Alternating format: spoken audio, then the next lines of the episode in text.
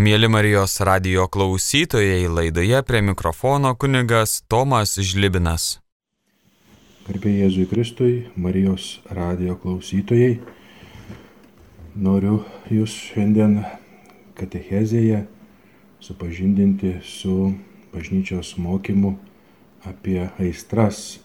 Žvelgsime į katalikų bažnyčios katekizmą, šventąjį raštą bei dykumos tėvų išminti ir kaip kovoti su tomis aistromis. Kūrinijos pradžioje žmogaus viduje vyravo visiška ir tobula harmonija. Jo vidus atspindėjo pasaulio tvarką, kurią regėdamas kuriejas pasakė, kad tai buvo labai gera sukurtas žmogus buvo tobula kosmoso dalelė ir veiksnys. Kosmos šiuo atveju verčiamas kaip a, pošmena. Taigi žmogus buvo tobulai įaustas į visatos harmoniją. Ką konkrečiai reiškia toji harmonija žmoguje?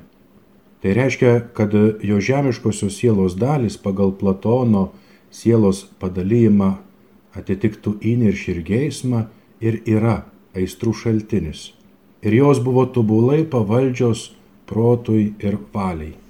Žmogaus protas ir valia savo ruoštų. Per ypatingą Dievo malonę, kuri dar vadinama pirmą pradę sukūrimo malonę, buvo pavaldus Dievui. Tačiau tiek protas, tiek valia išsaugojo savo autonomiją. Nuolatos Dievo malonės apšviestas žmogaus protas tarsi instinktyviai žinojo, kas yra teisu, ką reikia rinktis ir ko reikia vengti. Žmogaus siela buvo sveikos būklės ir per Dievo malonę galėjo apsaugoti jai pavaldų kūną nuo dulėjimo ir mirties. Kūnas buvo pavaldus ir klusnus sielai. Štai šitoks žmogus išėjo iš kurėjo rankų. Tokia yra tikroji žmogaus prigimtis. Tačiau pirmoji nuodėmė radikaliai pakeitė žmogaus santyki. Žmoguje pasireiškė konfliktas ir trijų lygmenų susvetimėjimas.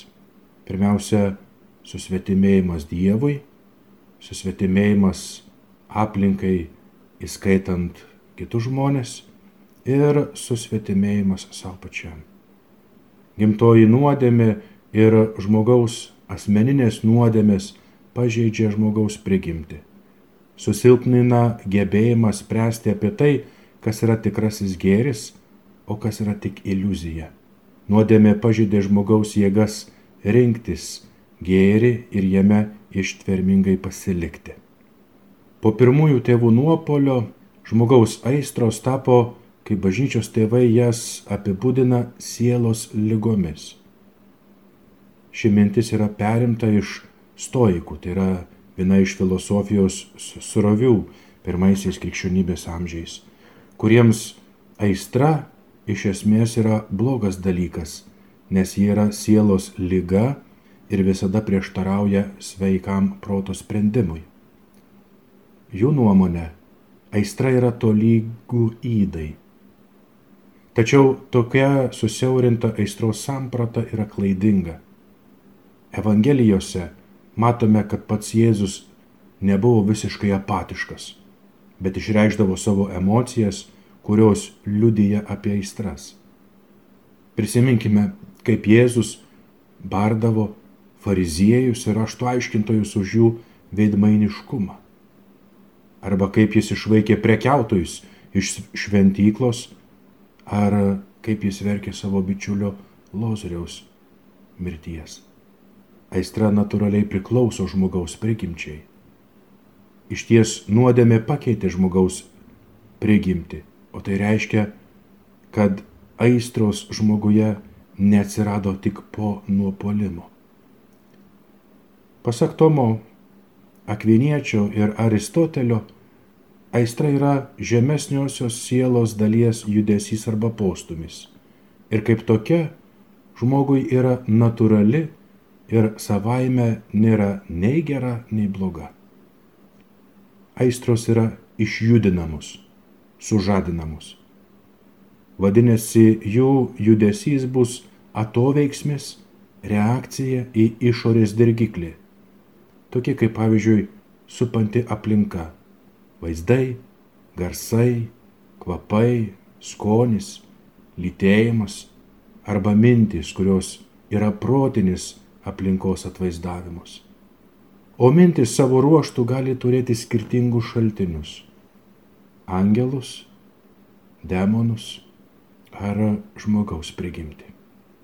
Panaikinti aistras tolygų numarinti žmogų.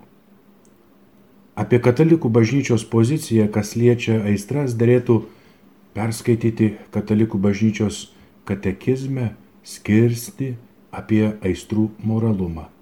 Tai yra 1762-1775 eilutės. Katekizme rašoma, kad aistros yra žmogaus psichikos natūralus dėmenys Jos užima tarpinę vietą tarp jūslinio ir dvasinio gyvenimo ir yra juos jungianti grandis. Aistrų yra daug, o svarbiausia - meilė, kylanti iš potraukio į gėrį. Meilė pažadina nesamo gėrio troškimą ir vilti jį pasiekti. Išsipildžiusi troškimą lydi pasitenkinimas ir džiaugsmas turimų gėrių. Trokštamo gėrio nepasiekiamumas pagimdo nevilti. Suvokta blogio grėsmė kelia neapykantą, pasibjaurėjimą ir būsimo blogio baimę. Tokie jauduliai baigėsi liūdėsiu dėl esamo blogio arba jam prieš priešinamų pykčių. Pačios aistros nėra nei geros, nei blogos. Moralės požiūriu jos vertinamos tiek, kiek iš tiesų priklauso nuo proto ir valius. Jausmai ir aistros turėtų teigiamai prisidėti prie gero žmogaus veiksmo ir tuomet moralės požiūriu jos bus geros. Moralės požiūriu žmogus yra tobulas, kai jį kreipia į gėrį ne vien jo valia, bet ir jausmai. Kaip sakoma psalmėje, mano širdis ir kūnas gėda iš džiaugsmo gyvajam Dievui. Tačiau vis dėlto gali nutikti ir priešingai. Netvarkingo žmogaus aistros ir nevaldomas jausmingumas gali virsti kliūtimis, kurios trukdo aiškiai ir lengvai siekti savojo pašaukimo ir tikrosios palaimos.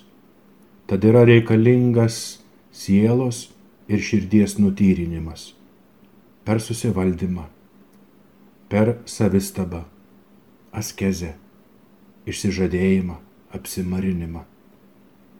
Tokiu būdu išsivaduos tikroji dvasinė žmogaus prigimtis, o ypač gebėjimas mylėti. Kągi šventasis raštas mums kalba apie aistras.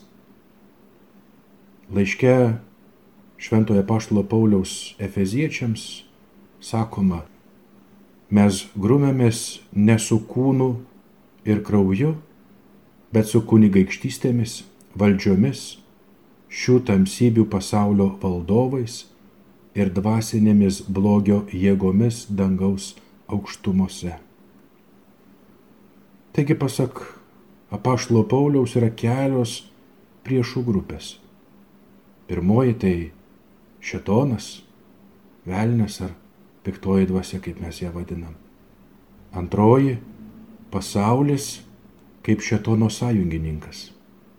Šiuo atveju pasaulis čia reiškia ne Dievo kūrinį, o šiuo apibrėžimu nusakomi visi tie, kurie aistringai vaikosi žemiškųjų gerybių ir žmogaus palaimą matuoja praeinančiais dalykais tie, kurie laisva valia užsidaro gerai naujienai ir net kliudo atpirkimo darbui. Ir kita priešų grupė tai yra kūnas. Nei velnis, nei pasaulis negalėtų nieko mums padaryti, jei jie mumise nerastų pritarimo. Jėzus kalbėdamas apie tai, kas švaru ir nešvaru, sako, iš vidaus, iš žmonių širdies išeina pikti sumanimai, paleistuvystės, vagystės, žmogžudystės, svetimavimai, godumas, suktybės, klasta, begėdystės, pavydas, šmeištai, puikybė, neišmanimas. Visos tos blogybės išeina iš vidaus ir suteršia žmogų. Šventasis Augustinas sakė, nereikia bijotis jokio išorinio priešo. Nugalėk pats save ir pasaulis taps nugalėtas. Kitas dvasinis autorius tvirtina, kad velnio ginklai yra mūsų įdos, mūsų kūnas yra jos skydas. Jis suranda savo sąjungininkus mūsų jūslėse, atmintyje, mūsų aistrose ir net mūsų paliegusioje sveikatoje. Panašiai ir kitas dykumų tėvas sako, kiekviename išmėginime arba pagundoje nekaltink žmogaus, bet vien tik save patį sakydamas, tai man nutiko dėl mano nuodėmių. Laiškė feziečiams apaštalas Paulius ilgai kalba apie sielos priešus ir apie ginklus, kurių krikščionis turi imtis įdant kovotų dvasios kovą. Krikščionis ir apsijuosis trenas tiesa, kas yra darna, jo minties ir veiksmo atitikimas, kas jam duoda tvirtumo ir ryšto. Krikščionis yra apsivilkęs teisumo šarvais, kas yra jo teisumas ir nuoširdumas akivaizdoje Dievo, kuris tyria žmonių širdis, kur slypi dorovės elgesio šaknis. Ir galiausiai Krikščionis yra apsevęs kojas ryštų, kas tinka ramybės Evangelijos skelbėjui. Tikėjimas tai yra visiškas prisišlėjimas prie Kristaus, krikščionių yra skydas, į kurį atsimušusios užgesta visos piktojo ugninės strėlės. Galiausiai išganimo šalmas arba išganimo viltis apsaugo krikščionį nuo nevilties o Dievo žodis yra kalavijas, kurį įduoda Dievo dvasia, kad būtų pašalintos nuodėmės ir klaidos galybės. Prie šių šviesos ginklų dar reikia būtinai pridėti maldą. Ji išprašo Dievo pagalbos ir suteikia kitiems ginklams veiksmingumo. Sokrato apologijoje sakoma, gyvenimas be išbandymų nėra vertas gyventi. Tai iš antikos ateinanti mintis, kad artintis prie Dievo turime pereiti per tam tikrus išbandymus. Anot Klemenso Aleksandriečio, tikrasis gnostikas, tai yra pažinimą turintis krikščionis, turi prašyti Dievo, kad būtų išbandytas. O šventasis Antanas, kuris laikomas vienuolių tėvų, taip kalbėjo. Ne vienas, kuris nebus išmėgintas, negalės įeiti dangaus karalystę. Pašalink išmėginimus ir nebus ne vieno išgelbėto. Tas pats šventasis Antanas apibūdino didžiausią žmogaus įpareigojimą taip. Visada priimti kaltę už savo nuodėmės Dievui ir tikėtis išmėginimo iki paskutinio atodusio. Evagrijų savo veikale apie mintis pateikė išsamų mokymą apie aštuonias pagrindinės įdas arba polinkius, arba kaip jis išsireiškia mintis. Tai reiškia, kad Evagrijus skiria žmoguje aštuonius pagrindinius judėjimus, postumius, kurie su laisvu žmogaus pritarimu gali jį atitraukti nuo Dievo. Didžiosios įdos, kaip vėliau jos bus teologų pavadintos, yra kertiniai polinkiai siekiai ir aistros žmogaus širdyje. Jos veda į blogą ir yra kitų aistrų šaltinis. Evagrijus sako, kad yra iš viso aštuonios pagrindinės mintys, kurios apriepia visas mintis. Pirmoji iš jų yra rajumo mintis. Po jo seka gašlumo, trečioji gopšumo, ketvirtoji liūdėsio, penktoji pykčio, šeštoji vangumo, septintoji tuščios garbės ir aštuntoji puikybės. Kovoti prieš blogas mintis. Evagrijui yra tolygų kovoti prieš demonus, kurie jas sužadina. Jisai skiria dvi minčių arba gundimų kategorijas. Mintis, kurios ištinka žmogų kaip gyvūną. Šios kategorijos mintis liečia žemesnėsias sielos dalis, tai yra geismą ir įniršį. Tai bus daugiausia apsirijimo ir gašlumo mintis ir įvairios jų formos. Tokias mintis demonai galės sužadinti ne vien tik prisiminimais, vaizduotę, bet net ir kūno prisilietimu. Šios sielos dalies lygos požymiai pasireikš įvairiais sapnais ir regėjimais, daugiausia erotiniais. Žemesnės sielos dalies įniršio sveika būklė turi labai didžiulę svarbą maldai. Todėl demonai siekia ją sutrikdyti. Būtent todėl vienuolis turi ypatingą dėmesį skirti šios sielos dalies terapijai. Šios sielos dalies simptomai pasireikš sapnų metu siauba keliančiais reginiais.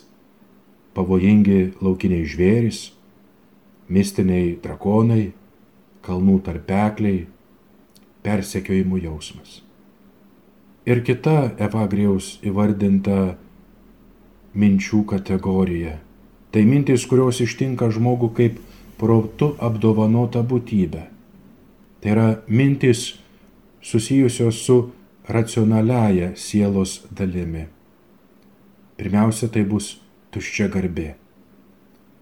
Tuščia garbė savo ruoštų atidarys duris puikybei, didžiausiam blogiui, pasak Evagrijaus, kadangi ji gali sukelti žmogui pamišimą. Prieš mintis ar aistras, kurios pabudina geismą, Evagrijus rekomenduoja askezę, pasnikus, naktinius būdėjimus, gulėjimą ant kietos žemės, saikingą duonos ir vandens vartojimą.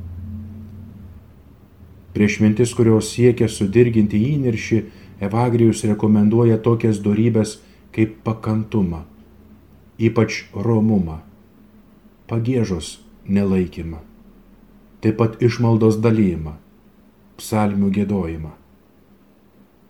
Evagrijus patarė panaudoti sielos dalį įniršį kovai prieš gašlumo mintis, taip pat ir minčių analizę.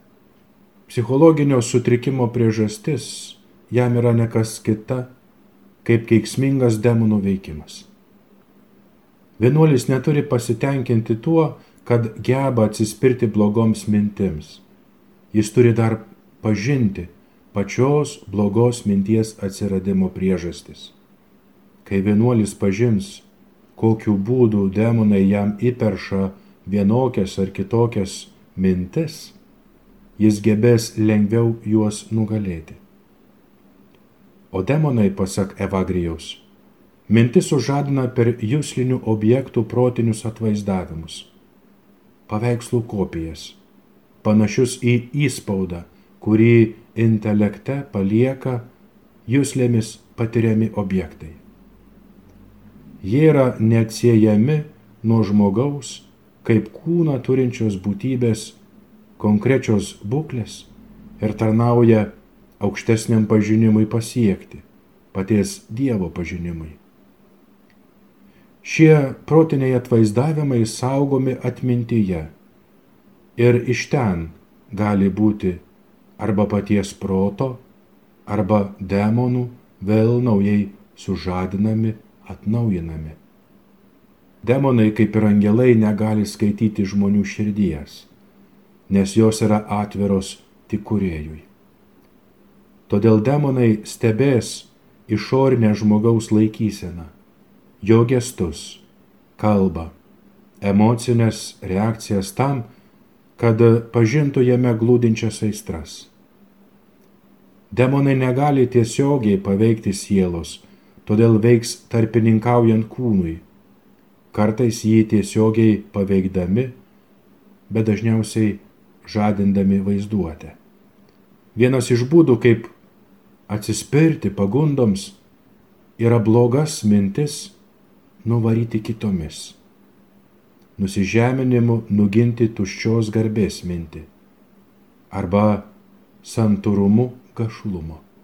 Kitas būdas yra blaivi minčių analizė, jų įskaidimas į atskirus elementus. Evagrijus mintis dalyja pagal jų kilmę. Demoniškos, kurių tikslas yra nuvesti iki nuodėmės. Žmogiškosios, paprastai protiniai atvaizdavimai, su kuriais nėra susijęta jokia aistra šitos žmogiškos mintis paprastai yra skirstomas į gerasias ir blogasias. Gerosios tai tos, kurios kyla iš mūsų prigimties, kaip Dievo sukurtos. Jos kils taip pat iš mūsų laisvos valios, kuomet ji pasirinks tai, kas gera.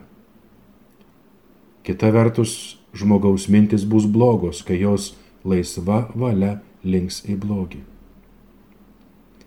Ir trečioji kilmė tai angeliškos mintis, kurios tyrinėja sukurtųjų daiktų prigimti bei jų esminius pagrindus. Pamatinės mintis arba įdos. Anot Evagrijaus yra trys - rajumo, gopšumo ir tuščios garbės. Jos yra kitų minčių pagrindas. Būtent todėl velnės pasiūlė šias tris mintis išganytojui. Pradžioje ragindamas akmenis paversti duoną, po to jam pažadėjo visą pasaulį, jeigu parpuolęs jį pagarbins, o galiausiai sakė, kad jeigu paklus jam, jis bus apsuptas šlovės. Kaipgi kovoti su mintimis vedančiamis prie įdų būtina praktikuoti atitinkamas darybės - romumą, nuosaikumą, narsumą, skaistinančias žemesnėsias sielos dalis ir labiau jas pajungti protų ir valiai. Be skezės praktikos, kaip malda, pasnikas bei gailestingumo darbai, sielai ir kūnui yra dar kitų patarimų, kuriuos duoda dykumos tėvai ir evagrijus. Jis sako, kad ašaros lieka galbūt viena veiksmingiausių priemonių prieš tingumo arba vangumo demoną. Kuomet mes pakliūname šiam demonui į nagus, su ašaromis padalinkime mūsų sielą į dvi dalis - guodžiančiąją ir guodžiamąją. Ir sėdami mumise geras viltis, gėdokime šventojo Dovido žodžius. Ko tu liūdi mano sielą ir kodėl tu mane blaškai. Turėk vilties Dieve, nes aš ir vėl tave šlovinsiu, jis mano veido gelbėtojas ir mano Dievas. Atvirumas dvasios vadovui. Iliuzija būtų manyti, kad žmogus pats savo jėgomis gali išeiti iš psichologinių bei dvasinių problemų labirinto. Dievui miela vesti žmogų pas save per tarpininkus, kadangi tokiu būdu jis glaudžiai sujungia žmonės tarp savęs. Vienus apdovanoja išvalgumu, kitus lavina nuolankume. Mokėti su padėka iškelti išmėginimus, tai taip pat būdas kovoje su įdomis. Kantrybė ir viską apimanti kaip gydanti priemonė. Vienas senolis dykumos tėvų yra pasakęs, jeigu kas nors įsimins tą, kuris jį prislėgė, ar su juo nepagarbiai pasielgė, ar sukėlė liūdėsi, ar nuskriaudė, privalo jį minėti kaip gydytoją, kuris siuntė Kristus ir privalo jį laikyti gerą dariu. Kadangi tas faktas, kad šie dalykai tave sudrumščia, yra sielos lygo ženklas. Nes jeigu tu nesirgtum, nejaustum skausmo. Pagarbi Dievo baimė. Joks blogis negali tavęs ištikti, jeigu tu turi pagarbę Dievo baimę. Gerai pažinti save. Kadangi kūnas ir siela yra glaudžiai tarpusavyje susiję ir daro poveikį vienas kitam, sveiko kūno kultūra gali palengvinti sielos būklę. Šventasis Tomas Akvinėtis mokys, kad tarp priemonių liūdėsiui ir sielvartui sušvelninti yra maudyklė ir miegas. Kartais pakanka mažo, nekalto malonumo, kad siela atgautų dvasinę pusiausvyrą. Žmogaus dvasinės veikatos būklė turi savo skiriamuosius ženklus. Vienas iš jų yra sapnų pobūdis. Evagrijus sako, be aistriškumo arba apatijos buvimo įrodymus mes atpažinsime dieną iš minčių, o naktį iš sapnų. Sveika dvasinė būklė reiškia, kad žemesniosios sielos dalys veikia pagal jų prigimti ir nepasiduoda netvarkingoms aistroms. Žemesniosios sielos dalys privalo atitikti kurėjo joms patikėtą funkciją. Protingoji siela veikia pagal jos prigimti, kada jos žemesnioji dalis, geismas siekia darybės, o kita jos dalis, įniršis, dėl jos kovoja. O jos protingoji dalis ragauja kūrinijos kontempliacijos. Ir dar kitoje vietoje. Įniršio prigimčiai įgimtai priklauso kautis prieš demonus ir kovoti dėl malonumo, kad ir koks jis būtų. Būtent dėl to angelai mums prieš akis pristato dvasinį malonumą ir iš jo išplaukiančią palaimą. Įdant mus paragintų nukreipti mūsų įniršį prieš demonus. O demonai savo ruoštų mus traukte traukia į pasaulio troškimus ir priverčia mūsų įniršį veikti prieš jo prigimti kovojant su žmonėmis. Įdant aptemdytas ir netekęs pažinimo, intelektas taptų darybių išdaviku.